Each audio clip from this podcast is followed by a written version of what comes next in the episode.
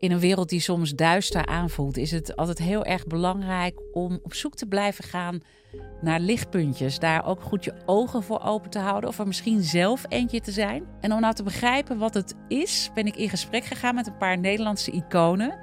Die heel goed weten wat dat hoop is, die ons daarmee gaan inspireren, maar die ook hun eigen lichtpuntjes eh, gaan delen. Denk aan Roxanne Hazes, Prinses Laurentien, Louis van Gaal, Frank Lammers en burgemeester Abu Taleb. Wil je nou al die lichtpuntjes volgen? Luister dan de komende afleveringen naar Lichtpuntjes, de podcast.